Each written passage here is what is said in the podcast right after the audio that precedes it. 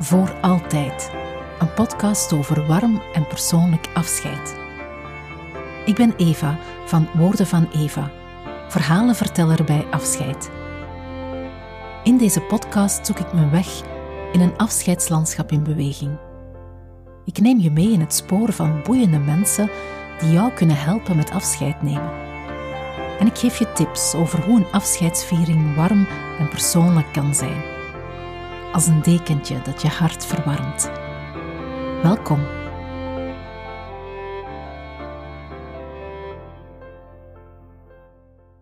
Welkom bij aflevering 8 van deze podcast. En vandaag lees ik vijf gedichten voor. Gedichten die je kan gebruiken in een afscheidsviering of die je misschien gewoon mooi vindt, die troost kunnen geven eventueel.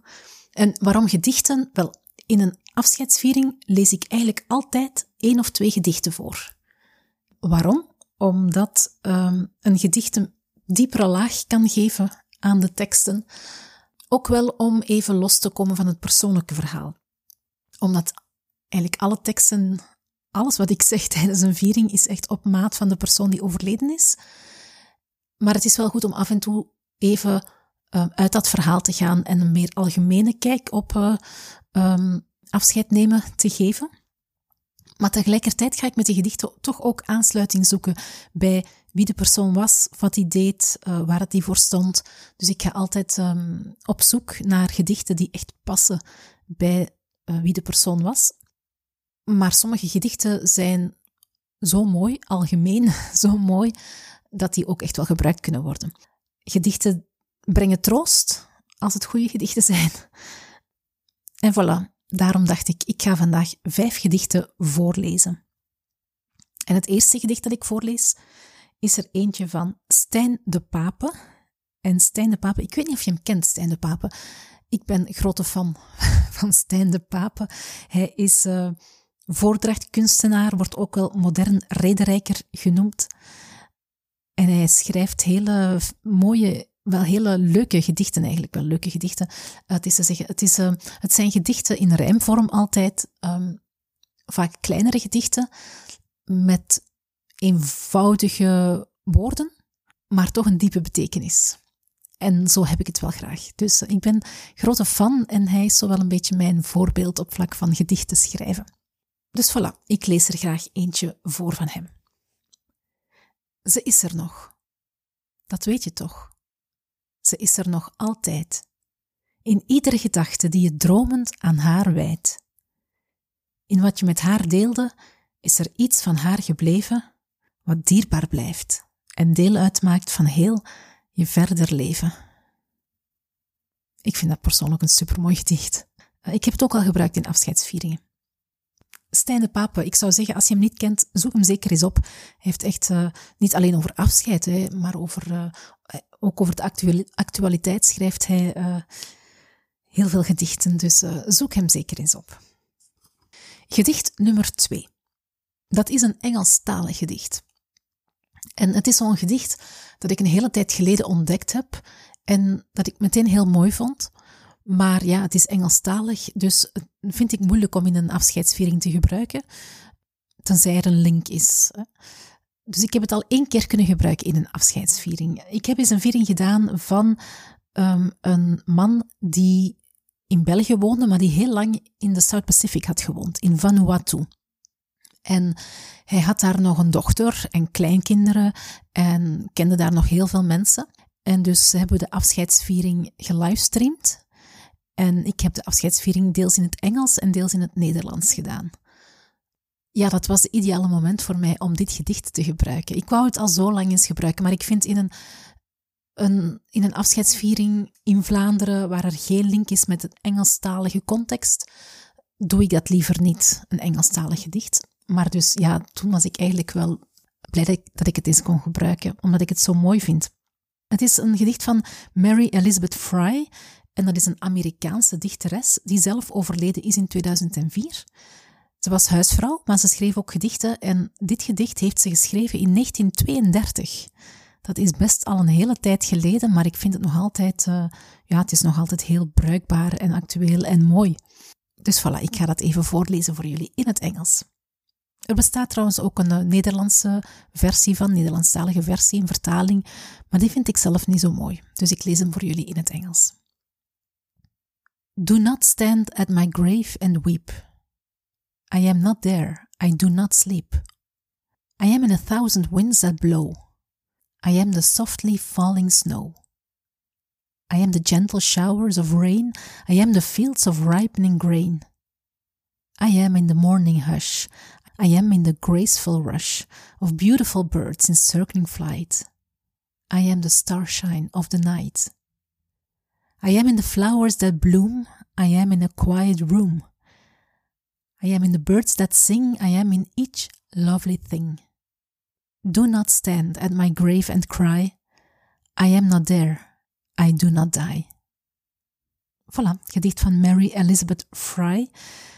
Het staat ook in een gedichtenbundel die ik heb samengesteld naar aanleiding van mijn cursus Spreken bij Afscheid. Dus, um, ik heb een cursus voor mensen die zelf ook afscheidsvieringen professioneel willen uitwerken en begeleiden.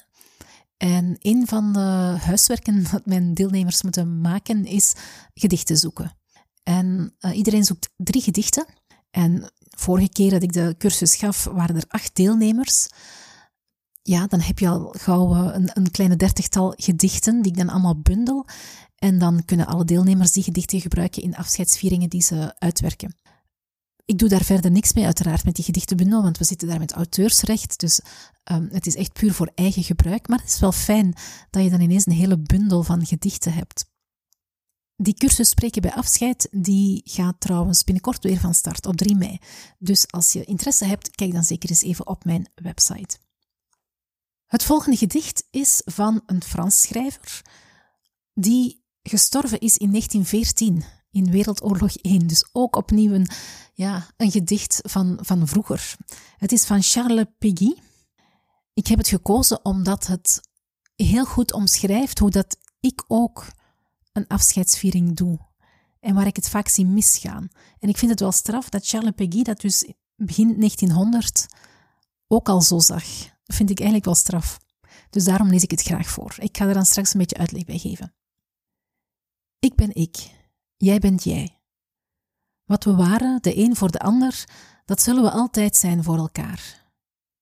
Geef mij de naam die je mij altijd gaf. Spreek met mij zoals je het altijd deed. Sla geen andere toon aan, doe niets plechtig of trist. Blijf lachen om alles waar wij samen om lachten. Glimlach en denk aan mij.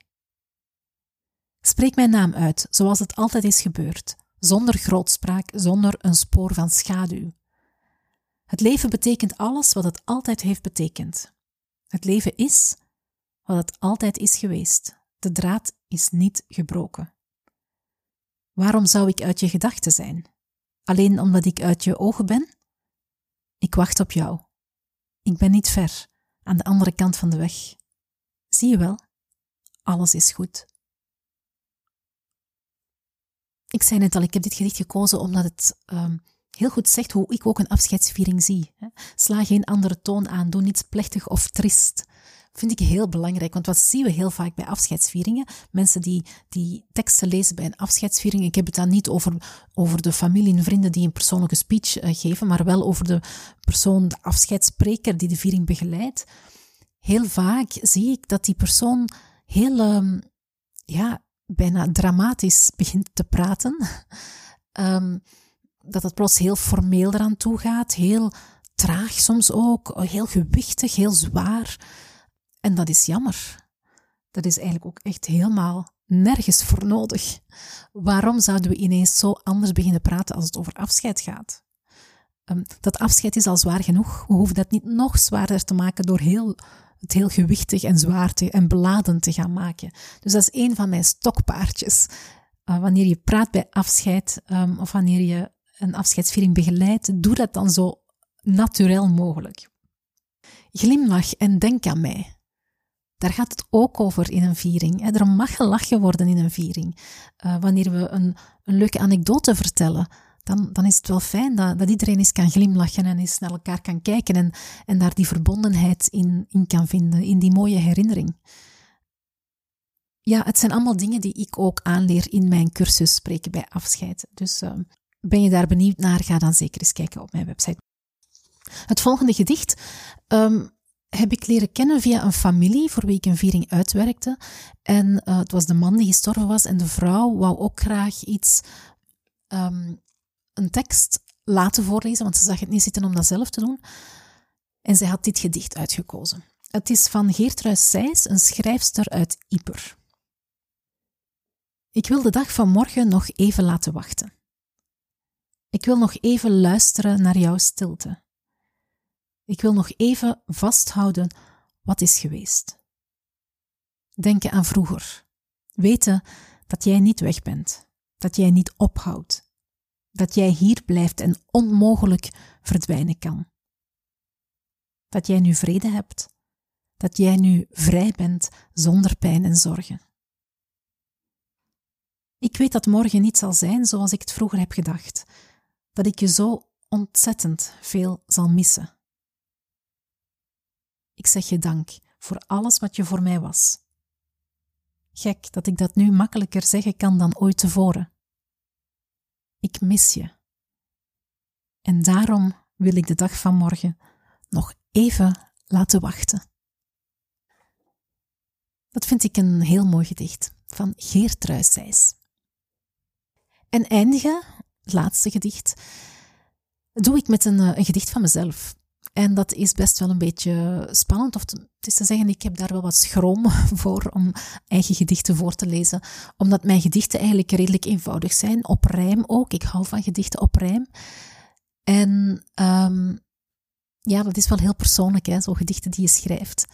Um, maar ik ben ze beginnen voorlezen vorig jaar in afscheidsvieringen. En ik kreeg er eigenlijk altijd heel mooie reacties op. Dus vanaf nu doe ik dat wel heel regelmatig. En dus wil ik er vandaag ook eentje voorlezen en het heet Mijmeringen. Ik wou dat ik je nog eens één keer kon zien. De lichtjes in je ogen, die gouden gloed in je haar. Ik wou dat ik je nog eens één keer kon horen. Je zachte stem, lieve woorden.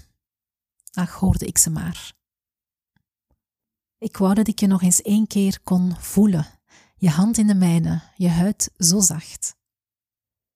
Ik wou dat ik je nog eens. Ach, het kan niet, ik weet het. Maar ik hoor, zie en voel je in mijn dromen vannacht. Tot zover deze vijf gedichten die je kan gebruiken in een afscheidsviering als je dat zou willen.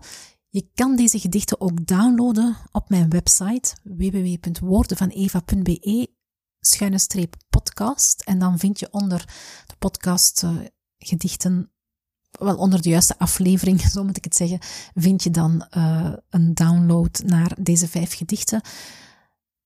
Het zijn gedichten die je kan gebruiken in een afscheidsviering. Als je dat doet, dan vraag ik je wel om altijd de schrijver zeker te vermelden. Je zit daar met auteursrecht, in een afscheidsviering ja, is het niet voor commercieel gebruik natuurlijk, maar um, vermeld toch zeker altijd wie het gedicht geschreven heeft. Zo, ik hoop dat je ervan genoten hebt van die vijf gedichten. Um, ik wens je nog een heel fijne dag en tot een volgende.